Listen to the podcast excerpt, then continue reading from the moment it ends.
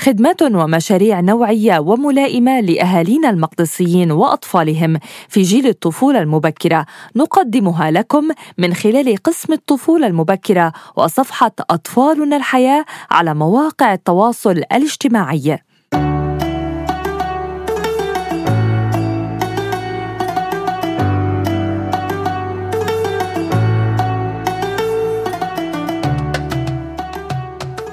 أهلا وسهلا فيكم من جديد خطوة على الماشي وصلنا للسؤال الثاني والعشرين اللي بيقول كيف يمكن أن يعتاد الأطفال على تحمل المسؤولية؟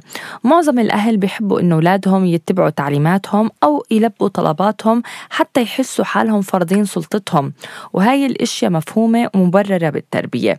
بس هيك مش شرط نقول إنه ابننا أو بنتنا عم تتحمل مسؤولية. مع مرور الوقت بصير الأشي مختلف.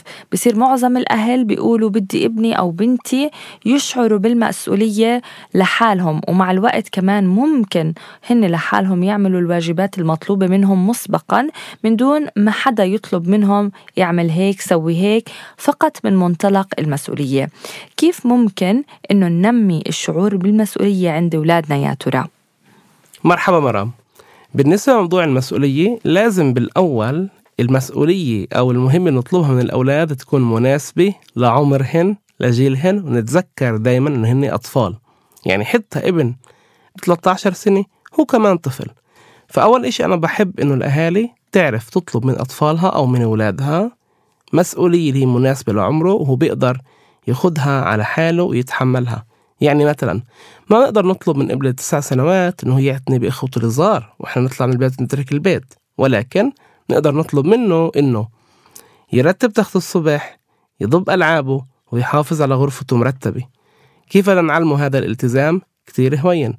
إحنا بنجيب ورقة وقلم نكتب اتفاق بيننا وبينه وبعدين بنقول له إنه أنت في كل يوم رح تعمل هذا الإنجاز أنت رح بحالك تحس إنه غرفتك كتير حلوة كتير مرتبة وإحنا رايحين نعززك. رح نقول لك برافو أنت شاطر.